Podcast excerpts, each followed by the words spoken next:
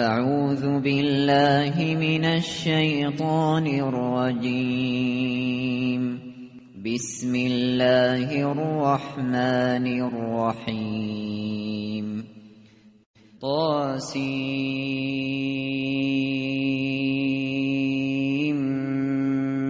میم به نام خداوند بخشنده بخشایشگر سین میم تلك آیات الكتاب المبین اینها آیات کتاب مبین است. نتلو عليك من نبأ موسى وفرعون بالحق لقوم يؤمنون. ما از داستان موسی و فرعون به حق بر تو می‌خوانیم. برای گروهی که طالب حقند و ایمان میآورند إن فرعون علا في الأرض وجعل أهلها شيعا يستضعف طائفة منهم يستضعف طائفة منهم يذبح أبناءهم ويستحيي نساءهم. إنه كان من المفسدين. فرعون در زمین برتری جویی کرد و اهل آن را به گروه های مختلفی تقسیم نمود. گروهی را به ضعف و ناتوانی میکشاند. پسرانشان را سر می‌برید و زنانشان را برای کنیزی و خدمت زنده نگه می داشت. او به یقین از مفسدان بود. ونريد أن نمن على الذين استضعفوا في الأرض ونجعلهم ونجعلهم أئمة ونجعلهم الوارثين. ما می‌خواستیم بر مستضعفان زمین منت نهیم و آنان را پیشوایان و وارثان روی زمین قرار دهیم. ونمكن لهم في الأرض ونري فرعون وهامان وجنودهما منهم ما كانوا منهم ما كانوا يحذرون. و حکومتشان را در زمین پابرجا سازیم و به فرعون و هامان و لشکریانشان آنچه را از آنها بنی اسرائیل بین داشتند نشان دهیم. وأوحينا إلى أم موسى أن أرضعيه فإذا خفت عليه فألقيه في اليم ولا تخافي ولا تخافي ولا تحزني. إنا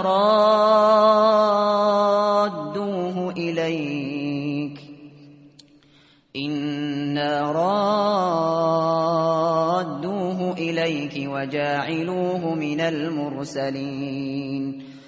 ما به مادر موسی الهام کردیم که او را شیر ده و هنگامی که بر او ترسیدی وی را در دریا بیفکن و نترس و غمگین مباش که ما او را به تو باز میگردانیم و او را از رسولان قرار می دهیم فالتقطه آل فرعون ليكون لهم عدوا وحزنا. إن فرعون وهامان وجنودهما كانوا خاطئین هنگامی که مادر به فرمان خدا او را به دریا افکند خاندان فرعون او را از آب گرفتند. تا سرانجام دشمن آنان و مایه اندوهشان گردد. مسلما فرعون و هامان و لشکریانشان خطاکار بودند.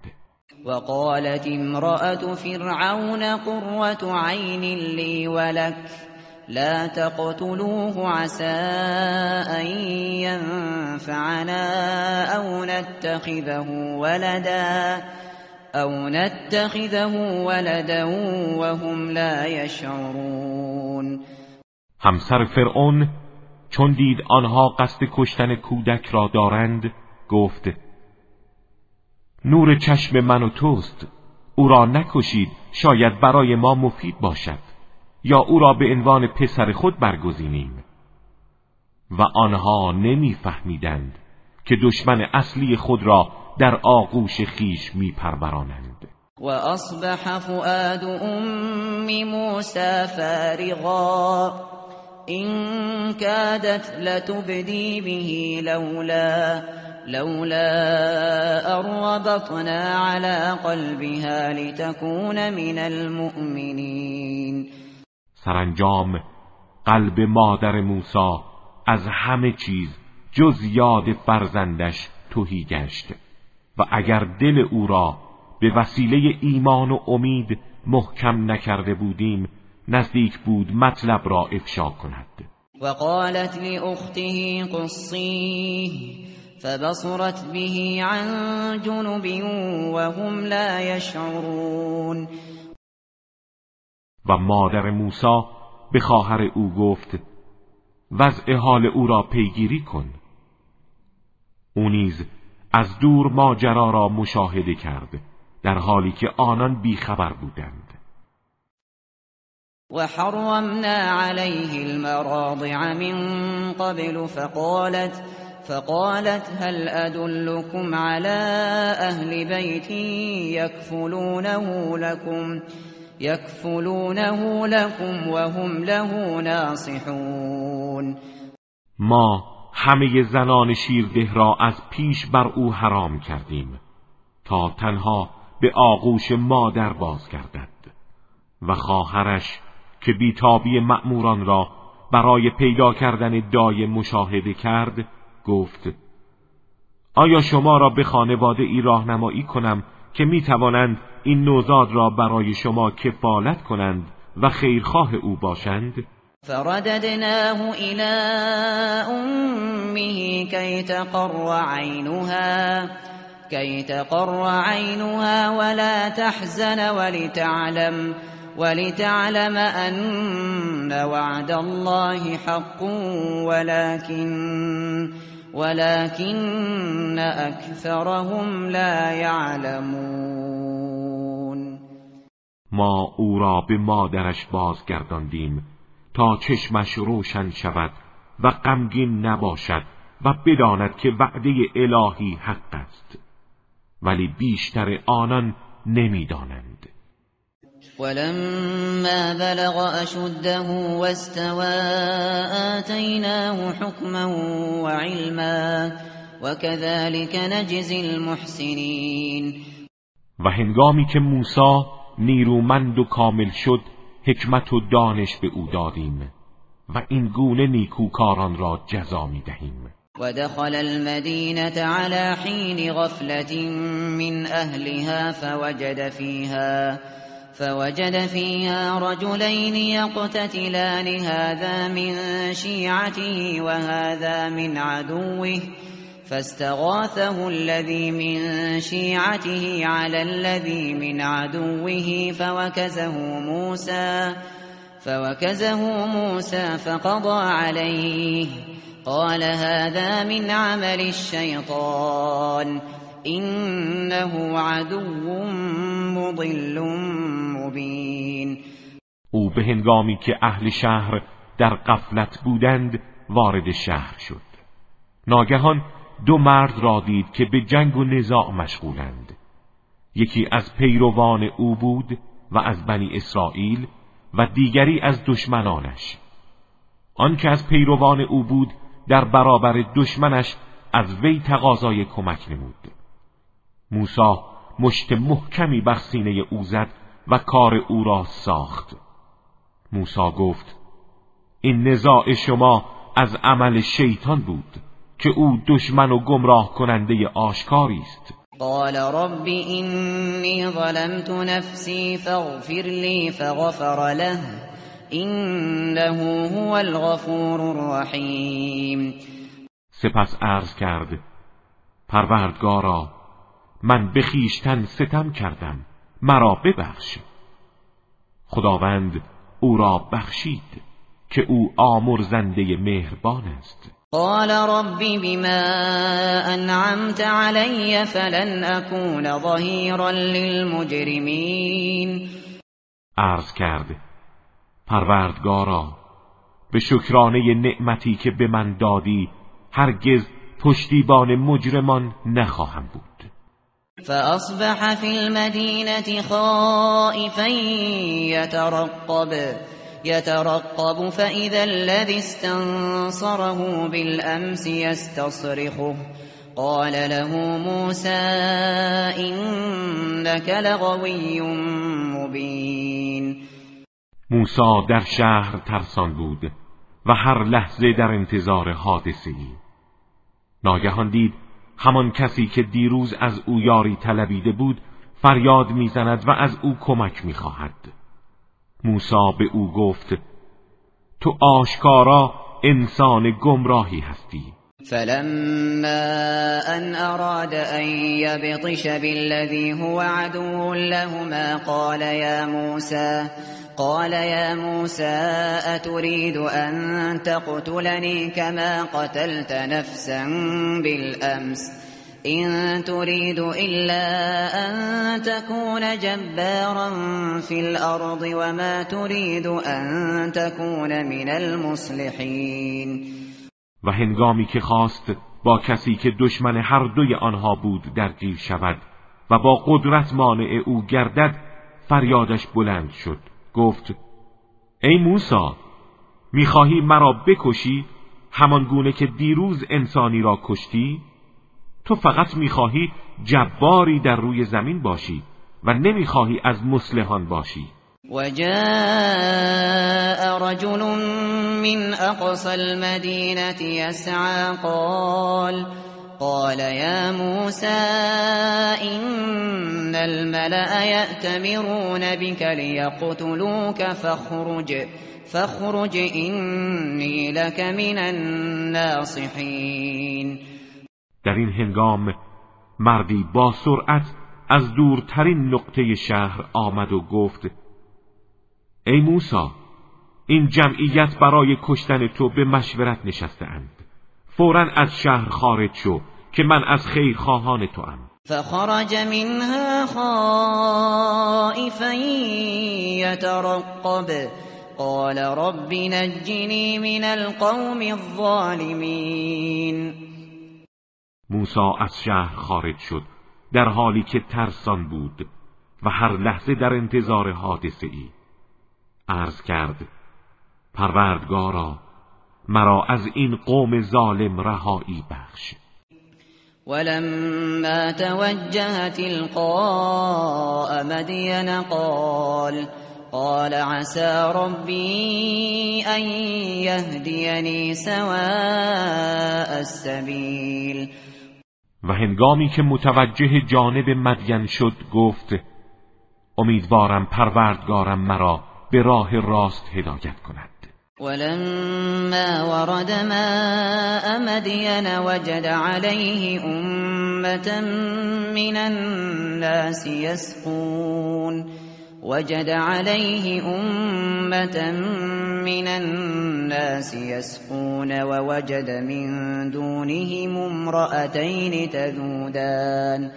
قال ما خطبكما؟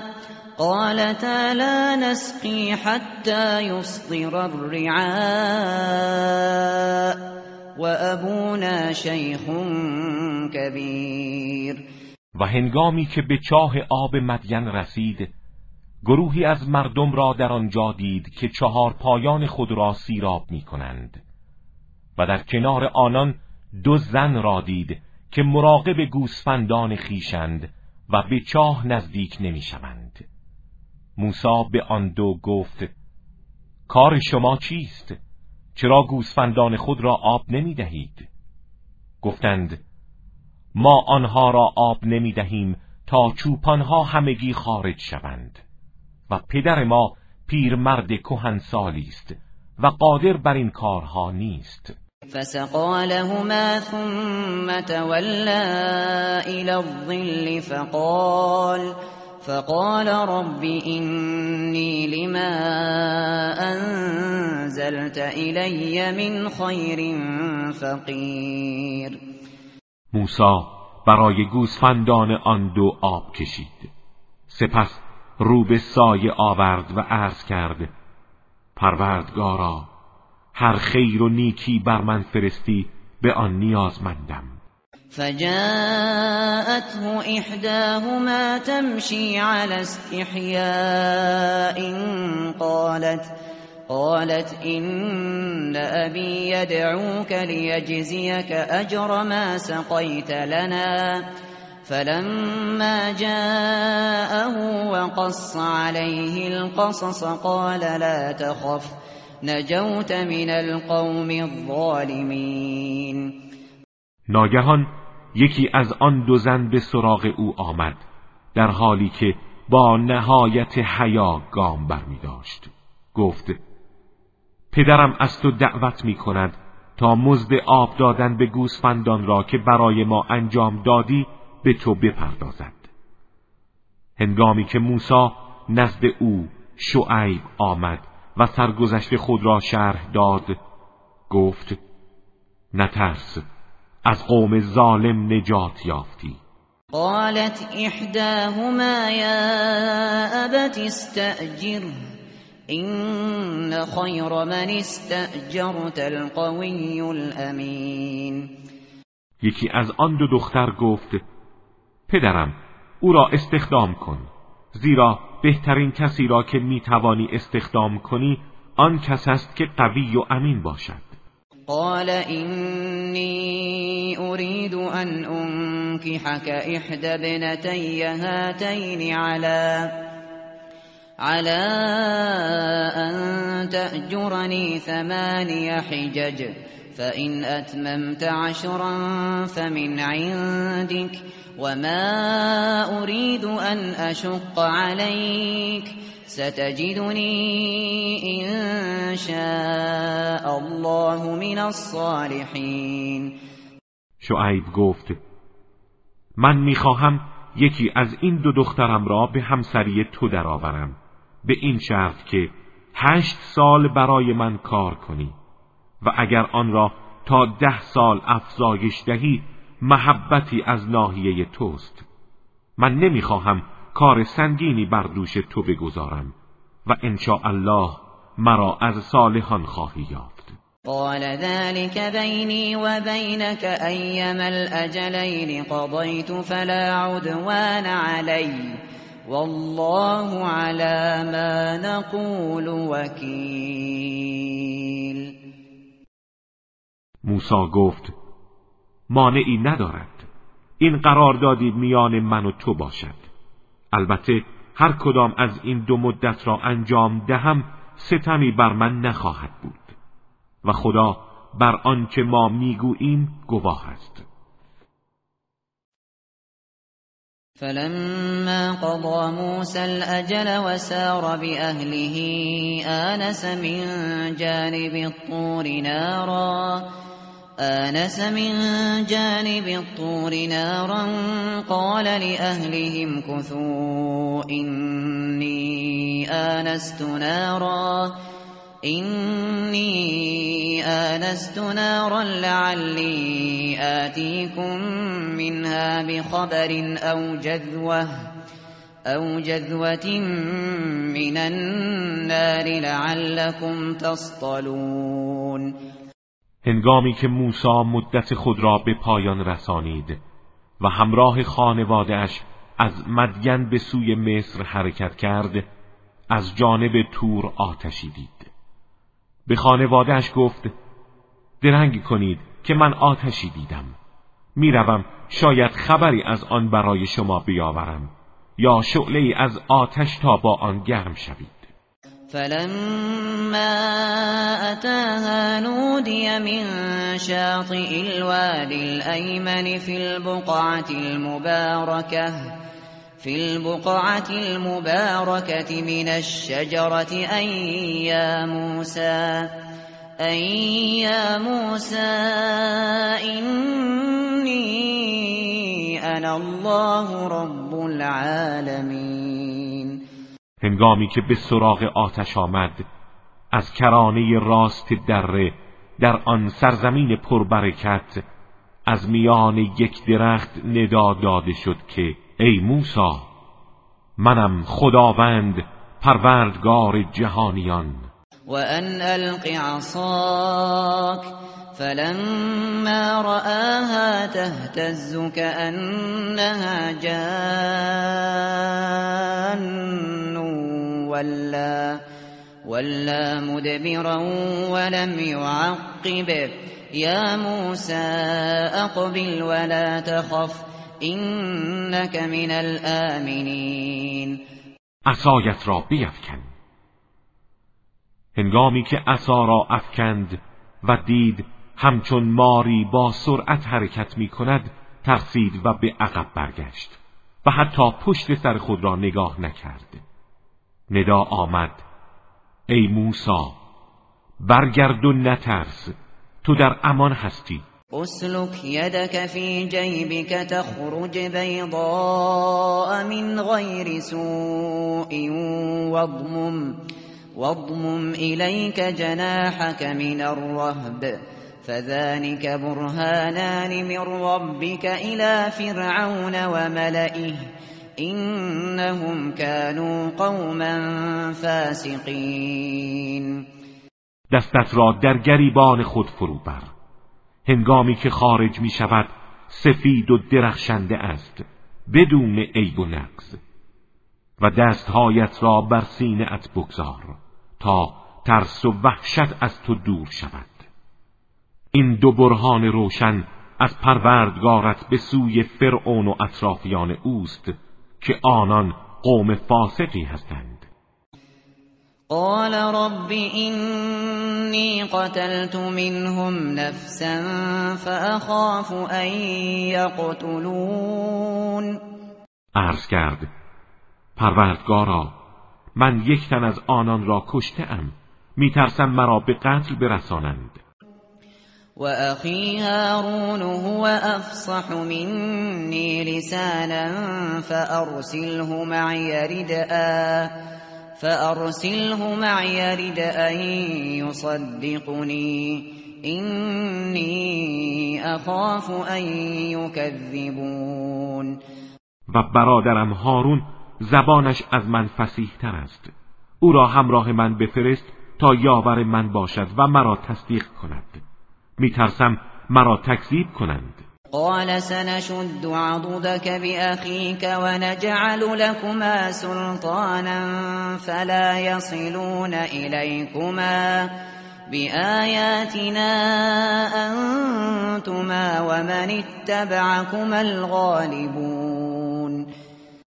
فرمود به زودی بازوان تو را به وسیله برادرت محکم می کنیم و برای شما سلطه و برتری قرار می دهیم و به برکت آیات ما بر شما دست نمی یابند شما و پیروانتان پیروزید. فلما جاءهم موسى بآياتنا بينات قالوا قالوا ما هذا إلا سحر مفترى وما سمعنا وما سمعنا بهذا في آبائنا الأولين. هنگامی که موسی معجزات روشن ما را برای آنان آورد گفتند این چیزی جز سحر نیست که به دروغ به خدا بسته شده. ما هرگز چون این چیزی را در نیاکان خود نشنیده ایم. وقال موسى ربي اعلم بمن جاء بالهدى من عنده ومن تكون له عاقبة الدار انه لا يفلح الظالمون. موسی گفت پروردگارم از حال کسانی که هدایت را از نزد او آورده اند و کسانی که عاقبت نیک سرای دنیا و آخرت از آن آنهاست آگاه تر است. مسلما ظالمان رستگار نخواهند شد. وقال فرعون يا أيها الملأ ما علمت لكم من إله غيري فأوقد لي يا هامان على الطين فاجعل لي فاجعل لي صرحا لعلي أطلع إلى إله موسى. وإني لأظنه من الكاذبین فرعون گفت ای جمعیت اشراف من خدایی جز خودم برای شما سراغ ندارم. اما برای تحقیق بیشتر ای هامان برایم آتشی بر گل بیفروز و آجرهای محکم بساز و برای من برج بلندی ترتیب ده تا از خدای موسی خبر گیرم. هرچند من گمان می کنم او از دروغگویان است. واستكبر هو وجنوده في الأرض بغير الحق وظنوا وظنوا أنهم إلينا لا يرجعون. سرانجام فرعون و لشکریانش به ناحق در زمین استکبار کردند و پنداشتند به سوی ما بازگردانده نمی‌شوند. فأخذناه وجنوده فنبذناهم في اليم. فانظر كيف كان عاقبت الظالمين. ما نیز او و لشکریانش را گرفتیم و به دریا افکندیم. اکنون بنگر پایان کار ظالمان چگونه بود؟ وجعلناهم أئمة يدعون إلى النار ويوم القيامة لا ينصرون. و آنان را پیشوایانی قرار دادیم که به آتش دوزخ دعوت می کنند و روز رستاخیز یاری نخواهند شد. و اتبعناهم فی هذه الدنیا لعنه و یوم القیامت هم من المقبوحین و در این دنیا نیز لعنتی به دنبال آنان قرار دادیم و روز قیامت از زشت رویانند. ولقد آتينا موسى الكتاب من بعد ما أهلكنا القرون الأولى بصائر بصائر للناس وهدى ورحمة لعلهم لعلهم يتذكرون. و ما به موسی کتاب آسمانی دادیم بعد از آن که اقوام قرون نخستین را هلاک نمودیم. کتابی که برای مردم بصیرت آفرین بود و مایه هدایت و رحمت شاید متذکر شوند. وما كنت بجانب الغربي اذ قضينا الى موسى الامر وما كنت من الشاهدين. تو در جانب غربی نبودی هنگامی که ما فرمان نبوت را به موسی دادیم و تو از شاهدان نبودی. ولكننا انشأنا قرونا فتطاول عليهم العمر وما كنت ثاويا في أهل مدين تتلو عليهم آياتنا ولكننا ولكننا كنا مرسلين ولی ما اقوامی را در اعثار مختلف خلق کردیم و زمانهای طولانی بر آنها گذشت که آثار انبیا از دلهایشان محو شد. پس تو را با کتاب آسمانیت فرستادیم. تو هرگز در میان مردم مدین اقامت نداشتی تا از وضع آنان آگاه باشی و آیات ما را برای آنها مشرکان مکه بخوانی. ولی ما بودیم که تو را فرستادیم و این آیات را در اختیارت قرار دادیم. وما كنت بجانب الطور إذ نادينا ولكن رحمة من ربك لتنذر لتنذر قوما ما أتاهم من نذير من قبلك لعلهم لعلهم يتذكرون تو در کنار تور نبودی زمانی که ما ندا دادیم. ولی این رحمتی از سوی پروردگارت بود که این اخبار را در اختیار تو نهاد تا به وسیله آن قومی را انذار کنی که پیش از تو هیچ انذار کننده ای برای آنان نیامده است. شاید متذکر شوند. ولولا أن تصيبهم مصيبة بما قدمت أيديهم فيقولوا فيقولوا ربنا لولا أرسلت إلينا رسولا فنتبع آياتك فنتبع آياتك ونكون من المؤمنين.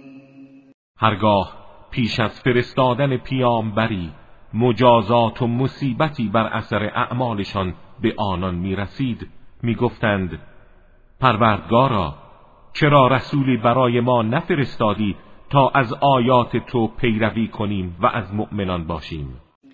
فلما جاءهم الحق من عندنا قالوا قالوا لولا أوتي مثل ما أوتي موسى أولم يكفروا بما أوتي موسى من قبل قالوا سحران تظاهرا وقالوا وقالوا إنا بكل كافرون ولی هنگامی که حق از نزد ما برای آنها آمد گفتند چرا مثل همان چیزی که به موسی داده شد به این پیامبر داده نشده است؟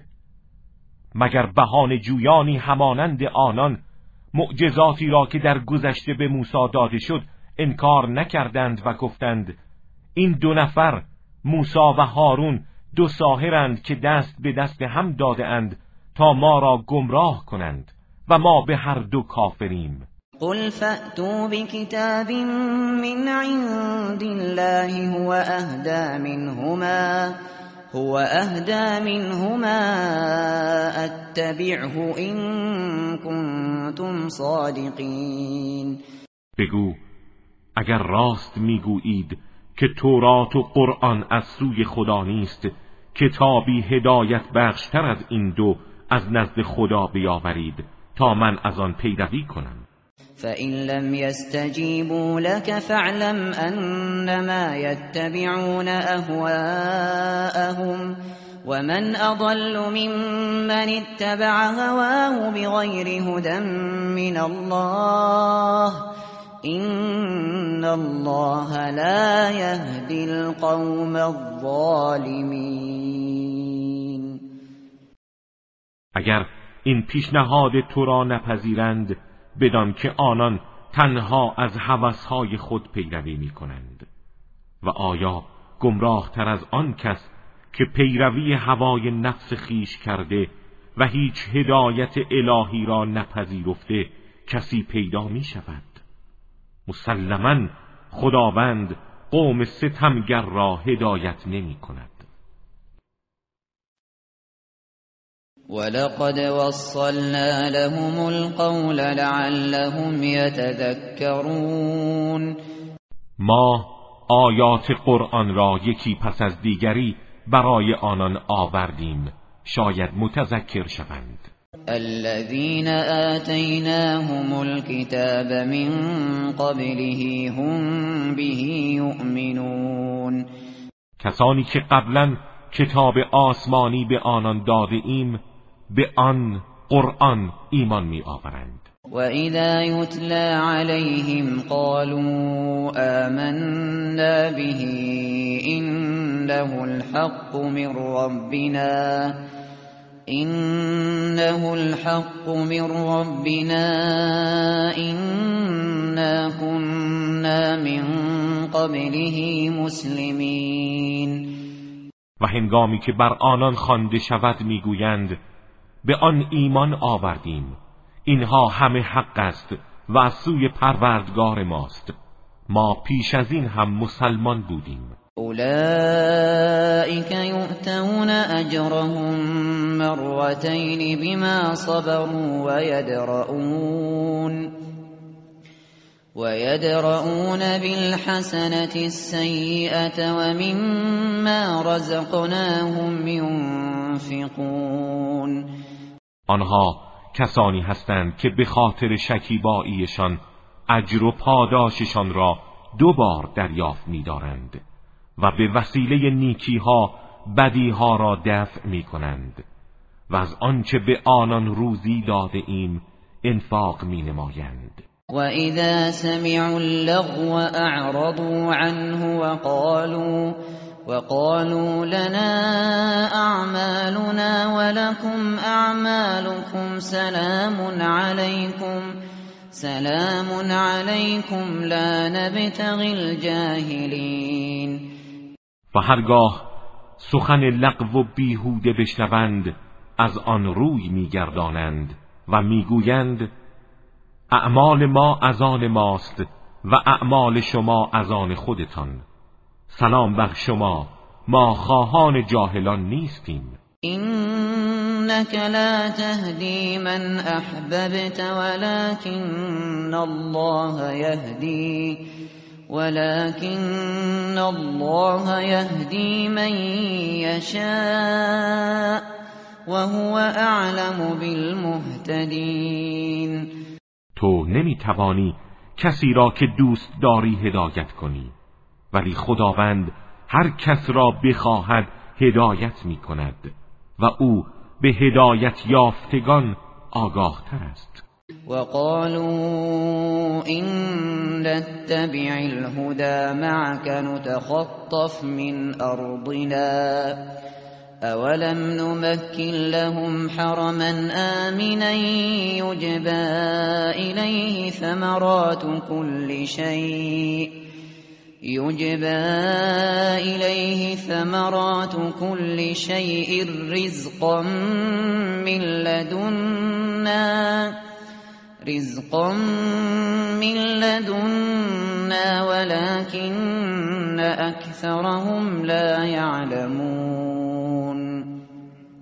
آنها گفتند ما اگر هدایت را همراه تو پذیرا شویم ما را از سرزمینمان می رو بایند آیا ما حرم امنی در اختیار آنها قرار ندادیم که ثمرات هر چیزی به سوی آن آورده می شود؟ رزقی است از جانب ما ولی بیشتر آنان نمی‌دانند وكم أهلكنا من قرية بطرت معيشتها فتلك مساكنهم لم تسكن من بعدهم إلا قليلا وكنا نحن الوارثين و چه بسیار از شهرها و آبادیهایی را که بر اثر فراوانی نعمت مست و مغرور شده بودند هلاک کردیم.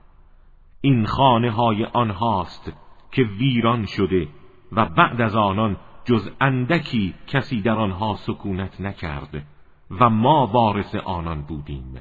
وما كان ربك مهلك القرى حتى حتى يبعث في أمها رسولا يتلو عليهم آياتنا وما كنا مهلك القرى إلا وأهلها ظالمون. و پروردگار تو هرگز شهرها و آبادیها را هلاک نمی کرد تا اینکه در کانون آنها پیامبری مبعوث کند که آیات ما را بر آنان بخواند و ما هرگز آبادی ها و شهرها را هلاک نکردیم مگر آنکه اهلش ظالم بودند. وما اوتیتم من شیء فمتاع الحیات الدنیا وزینتها وما عند الله خير وابقا افلا تعقلون آنچه به شما داده شده متاع زندگی دنیا و زینت آن است و آنچه نزد خداست بهتر و پایدارتر است آیا اندیشه نمی کنید؟ أفمن وعدناه وعدا حسنا فهو لاقيه كمن متعناه كمن متعناه متاع الحياة الدنيا ثم هو يوم القيامة من المحضرين آیا کسی که به أو وعده نیکو داده ایم و به آن خواهد رسید؟ همانند کسی است که متاع زندگی دنیا به او داده ایم. سپس روز قیامت از احزار شدگان خواهد بود. و یوم ینادیهم فیقول این شرکائی الذین کنتم تزعمون روزی را به خاطر بیاورید که خداوند آنان را ندا می‌دهد و می‌گوید کجا هستند همتایانی که برای من میپنداشتید؟ قال الذين حق عليهم القول ربنا ربنا هؤلاء الذين أغوينا أغويناهم كما غوينا تبرأنا إليك ما كانوا إيانا يعبدون. گروهی از معبودان که فرمان عذاب درباره آنها مسلم شده است می‌گویند پروردگارا ما اینها را گمراه کردیم. آری ما آنها را گمراه کردیم همان گونه که خودمان گمراه شدیم. ما از آنان به سوی تو بیزاری میجوییم. آنان در حقیقت ما را نمی پرستیدند بلکه هوای نفس خود را پرستش می کردند وقيل دعوا شركاءكم فدعوهم فلم يستجيبوا لهم فلم يستجيبوا لهم ورأوا العذاب. فلم يستجيبوا لهم ورأوا العذاب لو أنهم كانوا يهتدون و به آنها آبدان گفته می شود معبودهایتان را که همتای خدا میپنداشتید بخوانید تا شما را یاری کنند. معبودهایشان را می‌خوانند ولی جوابی به آنان نمی‌دهند. و در این هنگام عذاب الهی را با چشم خود می‌بینند و آرزو می‌کنند ای کاش هدایت یافته بودند. و یوم ینادیهم فیقول ماذا اجبتم المرسل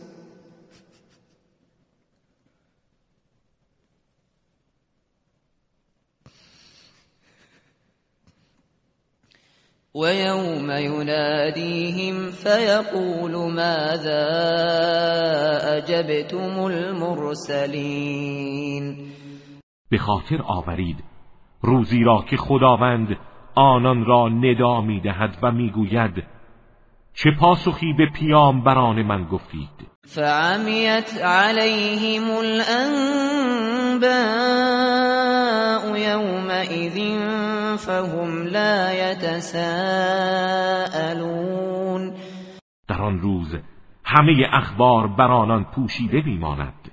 حتی نمی‌توانند از یکدیگر سؤالی کنند. فاما من تاب وآمن وعمل صالحا فعسى فعسى ان يكون من المفلحين.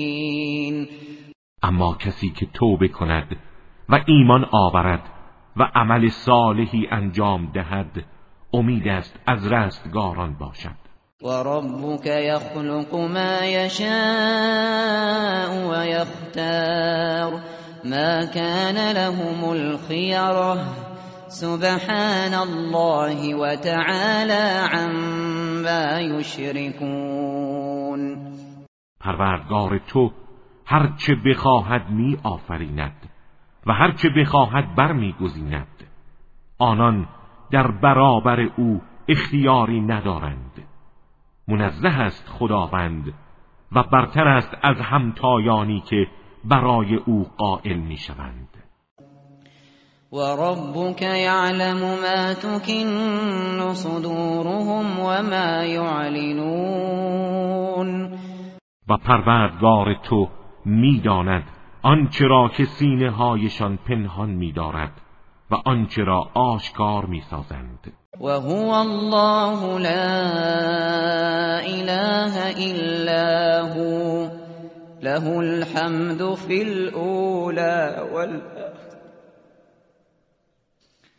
له الحمد في الأولى والآخرة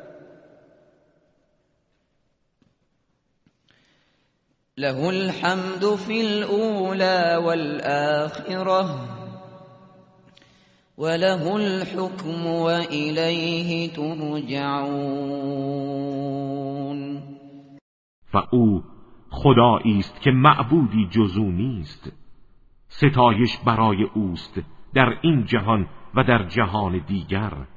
حاکمیت نیز از آن اوست و همه شما به سوی او بازگردانده می‌شوید.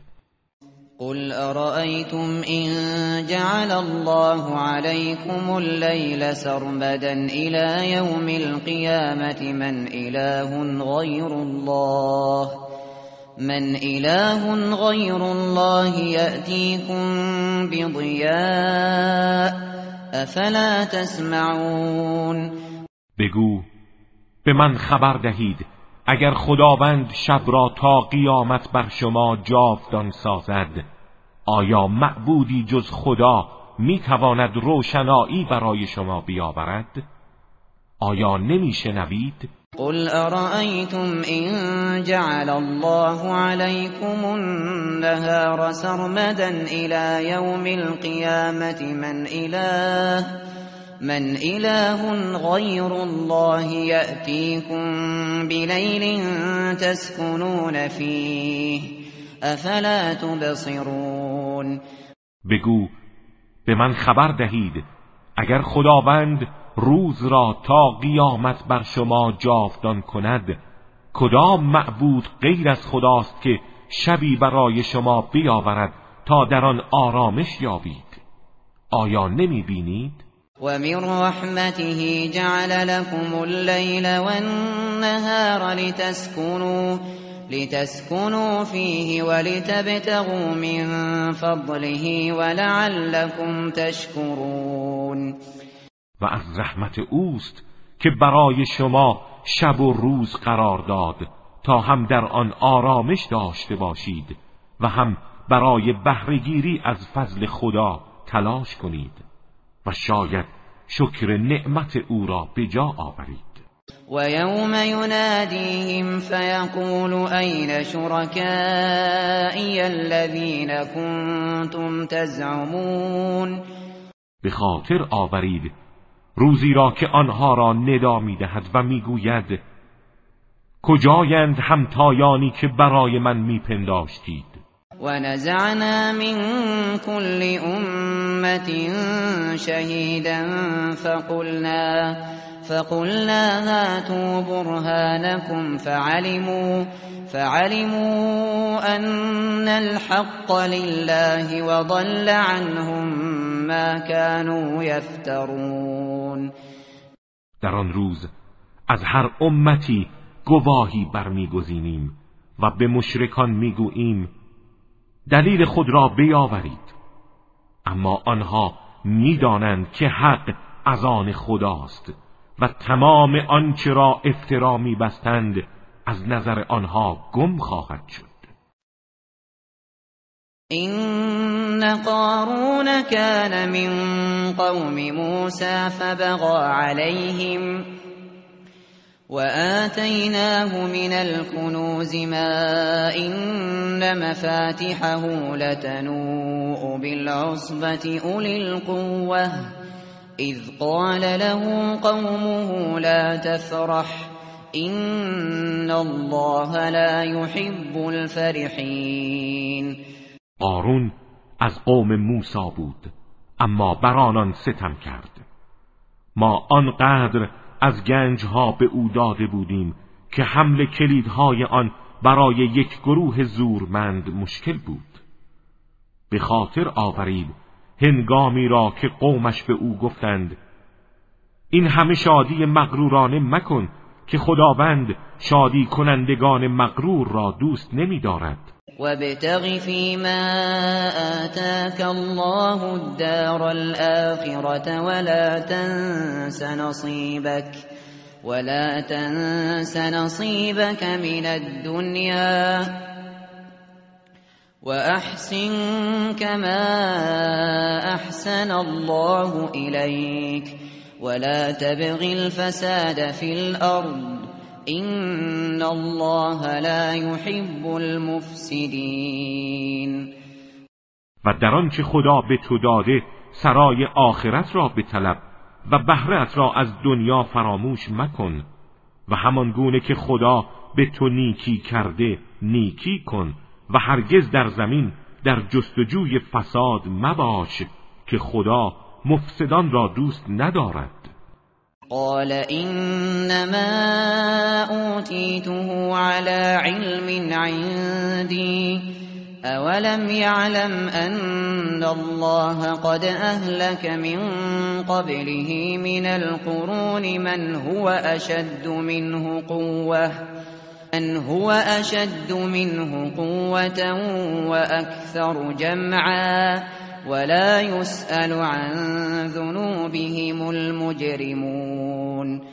قارون گفت این ثروت را به وسیله دانشی که نزد من است به دست آورده ام آیا او نمی‌دانست که خداوند اقوامی را پیش از او هلاک کرد که نیرومند تر و ثروتمند تر از او بودند و هنگامی که عذاب الهی فرا رسد مجرمان از گناهانشان سؤال نمی شوند فخرج على قومه في زینته قال الذين يريدون الحياة الدنيا يا ليت لنا يا ليت لنا مثل ما أوتي قارون إنه لذو حظ عظيم.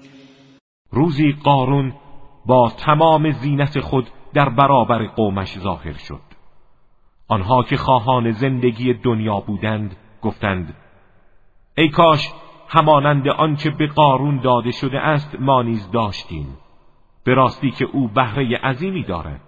وقال الذين اوتوا العلم ويلكم ثواب الله خير لمن آمن وعمل صالحا ولا يلقاها ولا يلقاها الا الصابرون. اما کسانی که علم و دانش به آنها داده شده بود گفتند وای بر شما! ثواب الهی برای کسانی که ایمان آورده اند و عمل صالح انجام می‌دهند بهتر است. اما جز صابران آن را دریافت نمی کنند.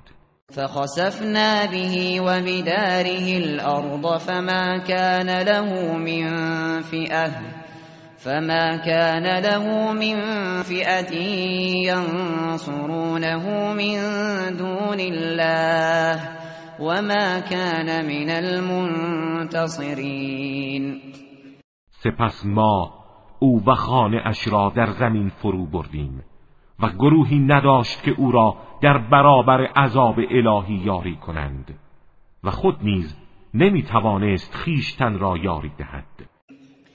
و اصبح الذين تمنوا مكانه بالامس يقولون يقولون ويك أن الله يبسط الرزق لمن يشاء من عباده ويقدر لولا أمن الله علينا لخسف بنا. ويكأنه لا يفلح الكافرون. و آنها که دیروز آرزو می کردند به جای او باشند هنگامی که این صحنه را دیدند گفتند وای بر ما گویی خدا روزی را بر هر کس از بندگانش بخواهد گسترش می‌دهد یا تنگ می‌گیرد. اگر خدا بر ما منت ننهاده بود ما را نیز به قعر زمین فرو می برد ای وای گویی کافران هرگز رستگار نمی شوند تلك الدار الآخرة نجعلها للذين لا يريدون علوا في الأرض ولا فسادا والعاقبة للمتقين آری این سرای آخرت را تنها برای کسانی قرار می دهیم که اراده برتری جویی در زمین و فساد را ندارند و عاقبت نیک برای پرهیزگاران است. من جاء بالحسنة فله خیر منها ومن جاء بالسيئة فلا يجزى الذين عملوا السيئات إلا, إلا ما كانوا يعملون کسی که کار نیکی انجام دهد برای او پاداشی بهتر از آن است و به کسانی که کارهای بد انجام دهند مجازات بدکاران جز به مقدار اعمالشان نخواهد بود. این الذي فرض عليك القرآن لرادك الى معاد قل ربي اعلم من جاء بالهدى ومن هو في ضلال مبين. آن کس که قرآن را بر تو فرض کرد تو را به جایگاهت باز میگرداند. بگو پروردگار من از همه بهتر می‌داند چه کسی برنامه هدایت آورده. و چه کسی در گمراهی آشکار است؟ وما كنت ترجو أن يلقى إليك الكتاب إلا رحمة من ربك فلا تكونن ظهيرا للكافرين. و تو هرگز امید نداشتی که این کتاب آسمانی به تو القا گردد. ولی رحمت پروردگارت چنین ایجاب کرد. اکنون که چنین است هرگز از کافران پشتیبانی مکن. ولا يصدنك عن آيات الله بعد إذ أنزلت إليك وادع إلى ربك ولا تكونن من المشركين.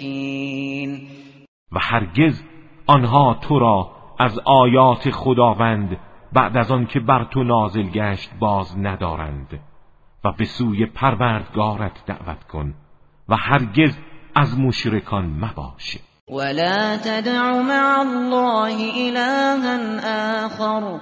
لا إله إلا هو.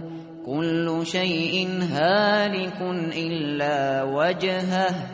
له الحكم وإليه ترجعون معبود دیگری را با خدا مخوان که هیچ معبودی جز او نیست. همه چیز جز ذات پاک او فانی می شود حاکمیت تنها از آن اوست و همه به سوی او بازگردانده می شوید